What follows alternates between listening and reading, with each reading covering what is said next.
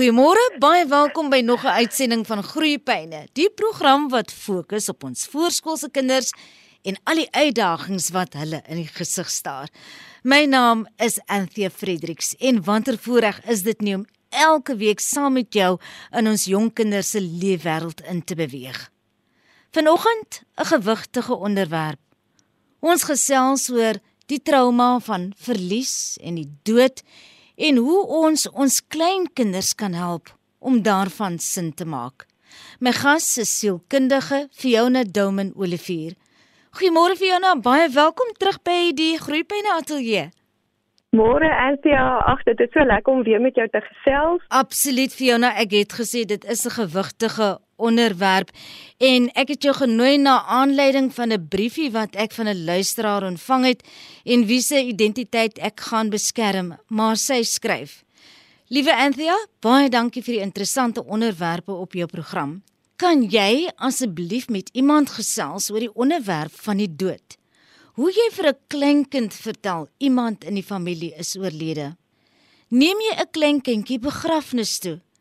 Vertel jy vir 'n kind wat die siekte toestand van 'n ouer is, veral as heelwat medikasie gegee of toegedien word? Baie dankie. Dis 'n mond vol, maar alles onder die tema van verlies, dood mm. en selfs lewensbedreigende siektes. Ja. Nee, en ek dink uh, veral na COVID het ons baie meer bewus geraak van die impak, uh, jy weet van verlies, hospitalisering en al daardie dinge wat nou maar gepaard gaan met dit. Die impak wat dit op ons het, maar ook op die kinders. Ehm um, jy weet ek dink dit voel vir my voor 2020 was dit nie so op die voorgrond nie, maar ons is gekonfronteer daarmee. Jy weet ek dink selfs nou nog sien mense baie meer sterftes, jy weet na die tyd. So dit is maar 'n realiteit en ons kinders sukkel regtig daarmee van kleins af. Jy weet, um, ek dink ons dink baie keer 'n uh, 3-jarige of 'n 4-jarige gaan dit nie agterkom nie. Jy weet, dit gaan nie so groot impak hê nie, maar tog het dit. Maar waar begin 'n mens dan as ons miskien kan en fokus op 'n siekte, 'n familielid wat baie baie siek is, dit kan mamma of pappa selfs ook is. Hulle sien dan word gereeld medikasie toegedien soos die briefie dan ook aandui. Daar's vreemde gesigte in die huis, dalk 'n versorger wat elke dag kom, 'n verpleer en uiteindelik dan selfs wanneer ons hospitaal toe moet gaan om daardie geliefde te besoek en al daardie vrae, die onskuldige nuuskierige vrae wat ons kinders, ons kleinkinders dan het. Waar begin 'n mens vir jou nou? Ja, weet jy Ansia, ek dink wat baie belangrik is nê, nee, is uh om in gedagte te hou dat ons kinders is uh hulle observeer baie.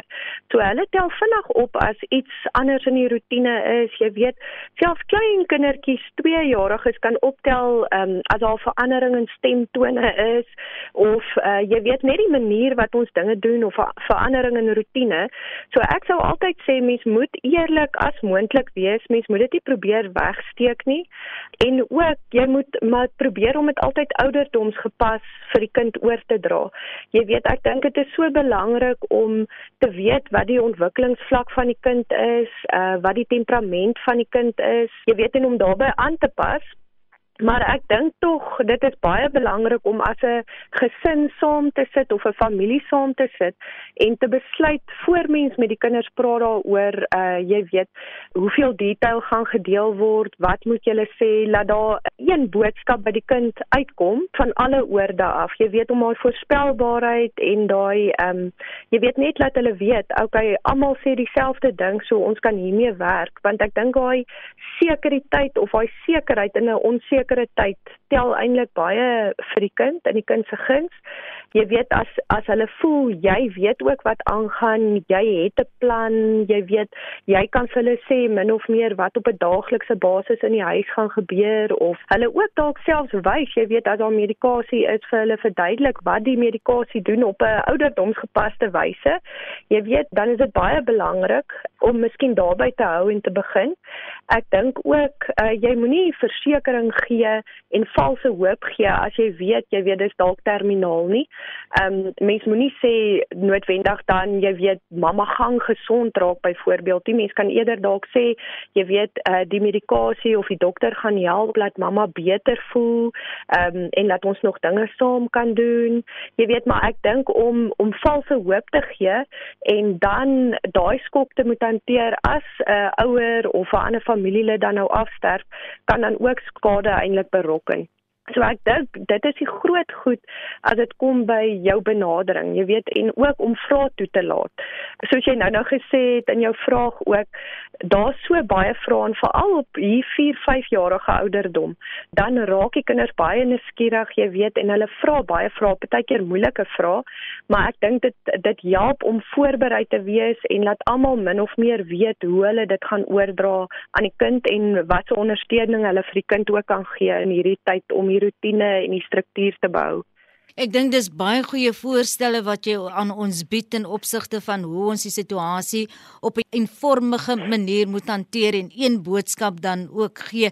En daardie aspek van valse hoop net so belangrik want ons moet onthou ons kinders glo wat ons sê. En wanneer ja. ons hulle teleurstel deur 'n verkeerde boodskap of dan dalk ook 'n belofte wat ons aan die einde van die dag nie kan hou nie, dan maak dit ook seer. Ja, nee definitief uh, ons moet daarop gefokus wees om hulle sekuriteit te wees in daardie onsekere tyd. En ja, ek dink dit is definitief, jy weet jy kan groter skade sit op die ou einde as 'n kind heeltemal sy vertroue in jou verloor. Ehm um, want nou werk hy deur die verlies van 'n mamma of 'n pappa of 'n boetie of 'n sussie of wie dit ook al kan wees. Maar ook nou weet hy nie meer hoe om jou te vertrou nie. Jy weet en waar kry hy dan nou in hierdie rou en verliestyd ook ehm um, daai sekuriteit en daai ietsie om aan vas te hou as hy jou nie meer kan vertrou vir die waarheid nie. En die aspek wat jy genoem het rondom hoeveel detail, hoeveel besonderhede moet 'n mens met hulle deel, laat ons ons dan ook lei ten opsigte van die vrae want soms vra hulle dalk twee vrae wat ons beantwoord en dan hou die vraag op wat beteken vir nou is hulle tevrede. Stop ons dan daar. Ja, weet jy eintlik ek dink ook ehm um, daar's verskillende benaderings wat mens kan gebruik. Ek dink altyd 'n goeie manier is as 'n kind met 'n vraag na jou toe kom is om eers te vra wat verstaan jy of wat dink jy wat is aan die gebeur? Laat jy net eers 'n idee kry van waar hulle gedagtes is. Maar ehm um, ek dink ook mense moet definitief daarna kyk om vir hulle bietjie inligting te gee om wanpersepsies daarom ook te knielter wil ek amper sê nê. Ehm um, as jy agterkom hulle het spesifieke vrese en dit is nie noodwendig vrese wat hulle nou moet hê in terme van wat aangaan nie, dan kan jy tog vir hulle 'n bietjie versekering gee jy weet om nie kos te gee vir daai vrese nie. Maar ek dink ook tog om te weet dat die kinders op sekere ouderdomme gaan daar sekere vrese wees wat maar altyd gaan opkom weer en weer. Uh soos jy gesê het, moet mens nou daaroor praat en dan los jy dit of jy antwoord net 'n vraag en dan los jy dit. Ek dink ja, in in die eerste plek as daar vrae is, vra vir hulle en gee bietjie inligting. Um nie te veel nie, jy weet want ek dink 'n jong kind voor 7 kan ook nie altyd ander opinies insien of uh abstrakte dinge regtig verstaan verstaan nie. Hulle dink ook nog nie altyd logies voor 7 jaar nie. So te veel inligting gaan nie noodwendig vir hulle daai sekuriteit gee of 'n antwoord regtig bied nie. So ek dink om dit eenvoudig te hou, hulle vrae te antwoord, maar ook ondersteuning te gee, miskien deur 'n boekie, jy weet, 'n lekker leesboekie wat miskien bietjie verwyderd is van hulle realiteit, maar uh, op 'n vriendelike en op 'n veilige manier ook uh, dalk illustreer hoe iemand anders kinders met uh, siekte te doen gehad het en dit oorkom het of dit hanteer het, jy weet of rou en verlies hanteer het, sommer net 'n gewone storieboekie wat mens kan kry. Sweets kan help, maar ek dink ook mens moenie dink as 'n kind een keer daaroor gevra het of daaroor gepraat het, dan is dit nou genoeg nie. Ek dink jy moet tog die verantwoordelikheid op jou neem as volwassene om daai deur weer oop te maak en te vra, jy weet jy het uh, die ander dag as jy bietjie hartseer toe jy gesien het, jy weet ouma voel nie lekker nie, hoe voel jy nou? Is jy nog steeds bekommerd? Jy weet of weer bietjie inligting te gee as die situasie ook verander. So ek dink nie ons moet te versigtig wees nie, maar ons moet ook nie ons kinders bombardeer met inligting nie. Ek dink wat jy ook vroeër gesê het is so belangrik en sielkundiges, julle sal dit ook vir ons gereeld sê, is dat ons moet fyn ingestel wees op ons kinders, hulle persoonlikhede. Van elke kind is anders, jy weet. Sommige kinders um, verwerk dinge makliker of op die oog af verwerk dit beter as ander kinders. Dan kry jy teruggetrokke kinders wat nie noodwendig wil praat altyd oor hierdie warboel emosies wat hulle ervaar nie. Maar dit is ook belangrik vir ons om vir ons kinders te sê dis oukei okay om te voel soos jy voel. Ja, en dit is definitief uh jy weet as jy jou eie gevoelens baie keer met hulle deel en hulle daai voorbeeld van mamma of pappa praat oor hulle gevoelens, dan maak dit ook vir hulle bietjie makliker. Ehm um, maar ek stem saam, jy weet daar's kinders wat miskien al klaar aan hulle persoonlikheid, hulle is bietjie meer teruggetrokke of hulle hanteer dinge op 'n stiller manier. Jy weet maar as dit 'n stil kind is, ek dink baie keer is dit ek wil nie sê gevaarliker nie, maar uh dit is ook die kinders wat baie keer ongesiens eintlik maar uh onder die radar uh, verbygaan jy weet want ouers voel terwyl hulle nie vra nie of terwyl hulle nou nie baie hartseer is of huil nie gaan jy dit ook nou nie ontlok of ontkete nie. Maar um, ek dink tog om vir hulle dalk 'n manier te gee al teken mense dit jy weet of al blaai jy deur 'n fotoalbum uh om ook nog aan die lekker tye te dink. Jy weet net 'n manier dat daar tog 'n bietjie van daai emosies gevoel kan word en om die deur weer oop te maak om daaroor te praat maar ook om om op 'n manier uitdrukking daaraan te gee. En ek dink ook jy weet speel is baie keer baie belangrik uh vir kinders. Hulle speel dit dalk uit op hulle eie stil manier manier. So ek dink om ook op te let hoe hulle dit dalk speel of uh, wat hulle dalk vir onderwysers by die skool sê of maatjies. Jy weet en ek dink daar kom dit weer om die ondersteuningsnetwerk ook te probeer uitbrei uh, in sulke situasies om met die skool te praat, om met die juffrou te praat, om met maatjies se ouers te praat, laat hulle ook vir jou kan sê as hulle ietsie optel, jy weet of as daar vrae is ook wat die kind vra of as die kind anders optree miskien in die skool of so. En so gesels sielkundige vir jou na Domen Olivier vanoggend. Ons praat in groepyne oor trauma, veral met betrekking tot verlies, siekte en die dood en die uitwerking wat dit op ons voorskoolse kinders het. Fiona, as die ergste nou gebeur en ons verloor 'n geliefde en ons het die kinders so goed moontlik probeer voorberei Ons weet die persoon was ernstig siek, dis dalk 'n skielike sterfte.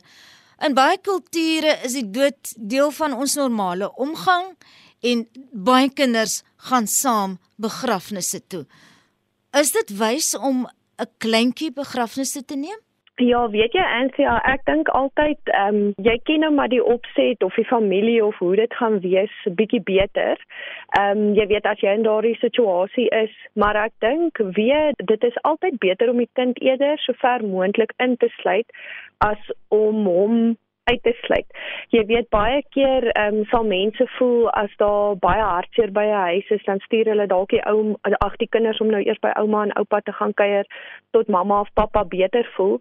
Maar ek dink daai voorspelbaarheid en rotine van die huis en waar die kind uh, kan voel hy's deel van die proses, jy weet hy sien eerder wat gebeur as om te probeer wonder wat gebeur by die huis of by die begrafnis. Is baie keer baie beter dat hulle dan eerder saam gaan as wat hulle nie ingesluit word nie. Ehm um, ek dink tog dit is altyd beter en ek dink met 'n met 'n begrafnis dan het baie mense al 'n uh, bietjie van die emosies verwerk, jy weet, dis nie daai initiële skok nie, maar ek weet ook as daar groot emosies gaan wees, jy weet amper soos hysterie of uh, iemand wat baie erg huil of ween dan kan dit dalk die kind vrese in die kind insit. So ek dink in daardie omstandighede, as jy sien dit eskaleer, dan is dit tog nog steeds jou verantwoordelikheid om miskien eers die kind te onttrek. Ehm um, jy weet net seker te maak daar is 'n area waar jy miskien eerder dan met die kind heen kan gaan Maar soos ek sê, ek dink dit is beter vir die kind om te sien wat gebeur om deel te wees van die proses, want ek dink so wys ons ook dat ons hulle emosies herken en ehm um, dat ons erken dat hulle ook die persoon sal uh, mis, jy weet, en dat daai persoon ook 'n groot deel in hulle lewe gespeel het. Maar ek dink dit is baie belangrik om ook ehm um, daar in daai situasie ondersteuning te hê. Uh, miskien twee of drie mense wat saam na die kind kan kyk en natuurlik daar gaan baie vrae wees by die kind ook. So om miskien maar gereed te wees vir daai moeilike vrae. Uh en dit kom nou weer daarop neer dat dit is baie keer goed as daar twee of drie mense is wat na die kind kan kyk en daai vrae ook kan hanteer as jy weet jy gaan jy weet jou aandag gaan nie 100% daar wees nie. En na afloop van 'n begrafnis, soos die dae verbygaan, sal daar nog opvolgvrae wees. Sit ons dan weer om 'n tafel of sit ons dan nou weer as 'n familie en doen 'n tipe van 'n debrief sessie met die kinders? Ja, weet jy Ansia, ek dink dit kan ook goed werk. Miskien nie dadelik daarna nie, maar ek sou sê miskien in die in die week wat daarop volg, net om te hoor waar's almal, jy weet, vra is daar vra, hoe het hulle gevoel by die begrafnis? Is daar iets wat hulle bang gemaak het dalk of wat hulle onseker oor voel? Jy weet, miskien as daar foto's is om na die foto's te kyk, laat hulle weer daaroor kan dink, miskien vir kleiner kinders, want baie keer, jy weet, is dit vir hulle gebeurtenis maar hulle kan ook vinnig aangaan maar om miskien net daai spasie te skep waar hulle miskien as hulle weer vraag het uh om dit te kan antwoord want ek dink dit is soos maar met ons ook jy weet um kinders is nie baie anders nie. Ons ervaar nou 'n ding maar ons dink tog na daaroor so later miskien as die groot emosies verby is en mens bietjie gerus het om dan ook weer met die kind te praat ek moet sê wel en sê ja, jy weet hulle sê meer hier van 5 jarige ouderdom en dan ek wil amper sê ook vanaf 5 maar hier 7 jaar 8 jaar dan raak rituele vir kinders baie belangrik na daai verlies was.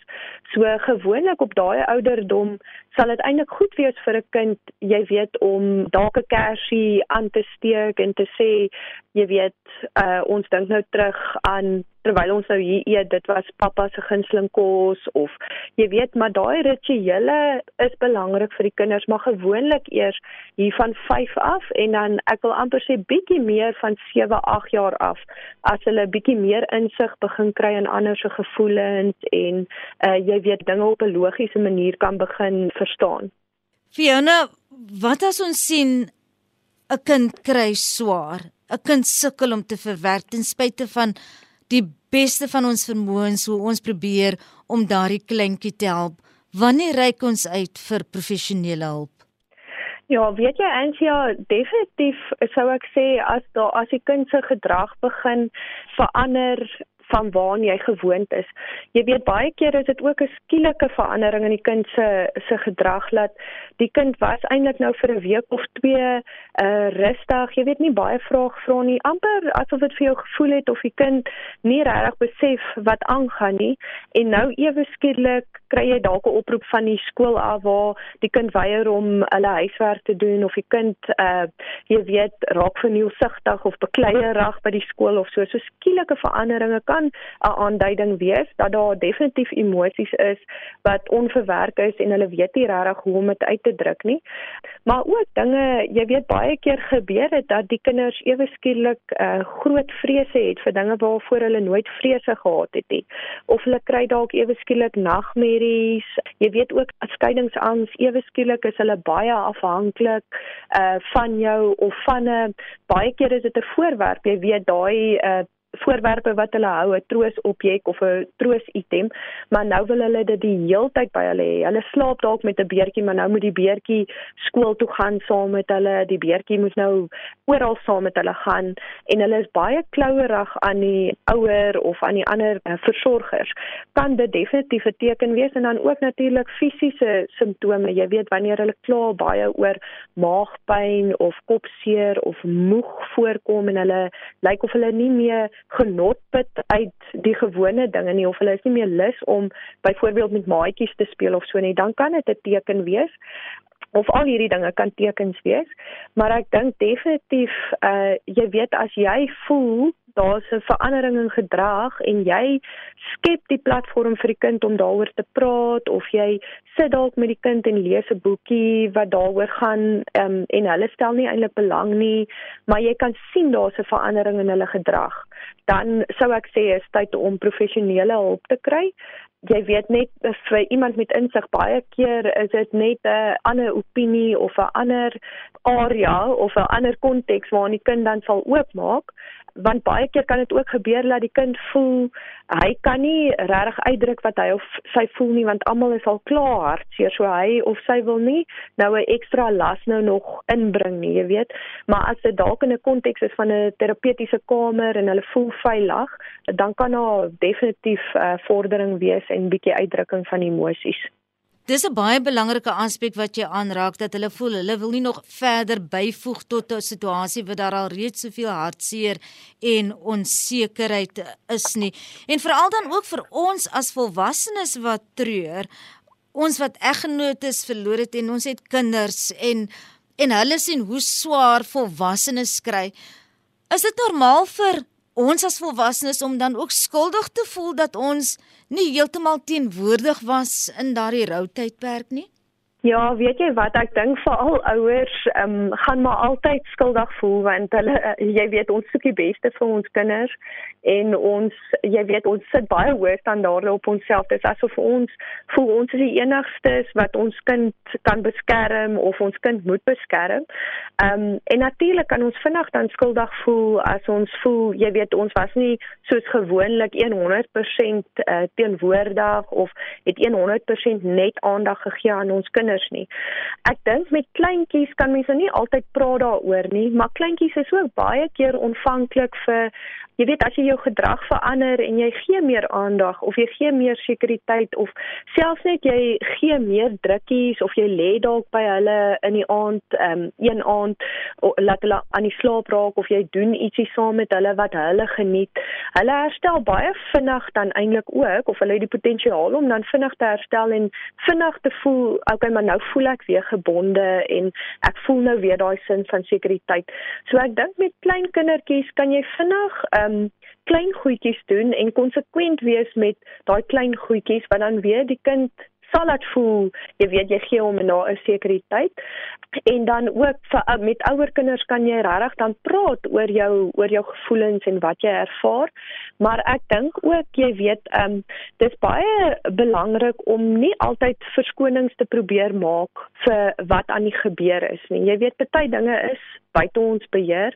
Ons is mense met emosies en is ook gesond dat hulle kan sien, jy weet daar is emosies, dis 'n teken van hoe lief ons miskien die persoon gehad het, maar daar moet ook definitiewe voorbeelde vir hulle wees waar hulle kan sien, jy weet maar hulle kan nog op jou vertrou en so aan. Maar ek sou sê jy weet om skuldig te voel op die ou einde jy is maar net mens, jy's geregtig net soos jou kind geregtig is op emosies en om emosies uit te druk as jy ook geregtig daarop.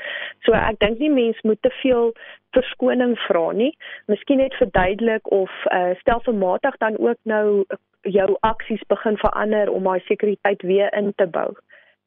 Ons gesprek staan einde se kant te vir jou nou daar's so baie vrae wat ek nog het. Dis 'n onderwerp wat ons weer sal moet besoek op 'n ander keer en jy het so mooi met ons gedeel vanoggend van daardie gewigtige onderwerp rondom dood, verlies, trauma, hartseer net ietsie vinnig sê oor die onsekere tye waarin ons leef en hoe ons kinders dit ervaar. Ons het beerdkrag elke dag en ons kinders vir hulle die kleintjies het dit nou deel van hulle woordeskat geword byvoorbeeld. 'n Woord wat ons 20 jaar terug nie van geweet het nie is nou iets wat as ons vir hulle sê dis beerdkrag verstaan hulle heeltemal wat dit uh, beteken. Dis so 'n abnormale situasie en tog ervaar hulle dit as normaal. ja nee, en ja, ek dink baie keer miskien is dit 'n blessing in disguise as ek dit nou so in Engels kan sê, want vir hulle dit is maar deel van hulle hulle realiteit, jy weet. Ek dink baie keer is dit maar ons reaksies daarop, dit wat ons sê, jy weet, ek dink baie keer voor ons onsself kan kry dan sê jy iets soos uh jy weet die land val uitmekaar uit of wat gaan van ons kinders word as dit nou so gaan. Jy weet so op die ou einde voel ek selfs vir die kleintjies, miskien die kleintjies kan dalk net net agterkom in die toon of in die rotine hoe dit verander as die krag af is en dit kan hulle miskien bietjie onver werk daai verandering in rotine en so. Maar ek dink dit kom maar weer af op dit is ons verantwoordelikheid om jy weet om eerlik te wees oor ons gevoelens miskien maar op 'n sagter manier en om te waak teen wat ons sê en laat daar nie 'n negatiewe gedagte alleenlik aan dit gekonnekteer word nie. Want op die ou einde, jy weet, uit 'n persoonlike voorbeeld kan ek nou vir jou sê met die beerdkrag toe dit nou so baie geraak het, kom ons sê dit was so 'n jaar of 2 terug. Het my kinders my die hele tyd gevra as die ligte afgaan dan sê hulle hulle wil sit en boek lees by 'n lamp, jy weet, of 'n flits.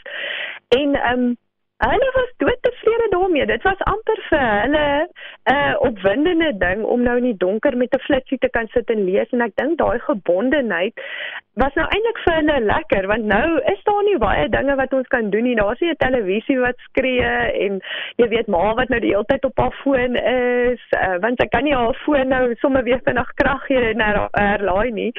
So ek dink vir hulle was dit meer opwindend, jy weet, en hulle was doodtevrede met daai eenvoudige ritueel of aksie van net om een boekie saam te sit en lees. Dan het hulle weer aangegaan. Jy weet as ek ook met iets wou aangaan, maar ek dink baie keer ons moet maar net eintlik waak teen hoe ons daaroor praat en hoe ons daarop reageer. Uh eerlik wees oor ons emosies, maar ook tog nog die lekkerte uit dit uit te kan haal en jy weet die positiewe daai ook probeer haal. Dit dan sielkundige Fiona Dom en Olivier met wie ek vanoggend hier in Groepyne gesels het. Onthou jy kan die hele gesprek as pot gooi van ons webwerf aflaai by rsg.co.za. So ek groet tot volgende week, dieselfde plek, dieselfde tyd wanneer ons weer saamgesels oor kwessies wat ons voorskoolse kinders raak. Tot dan, mooi bly.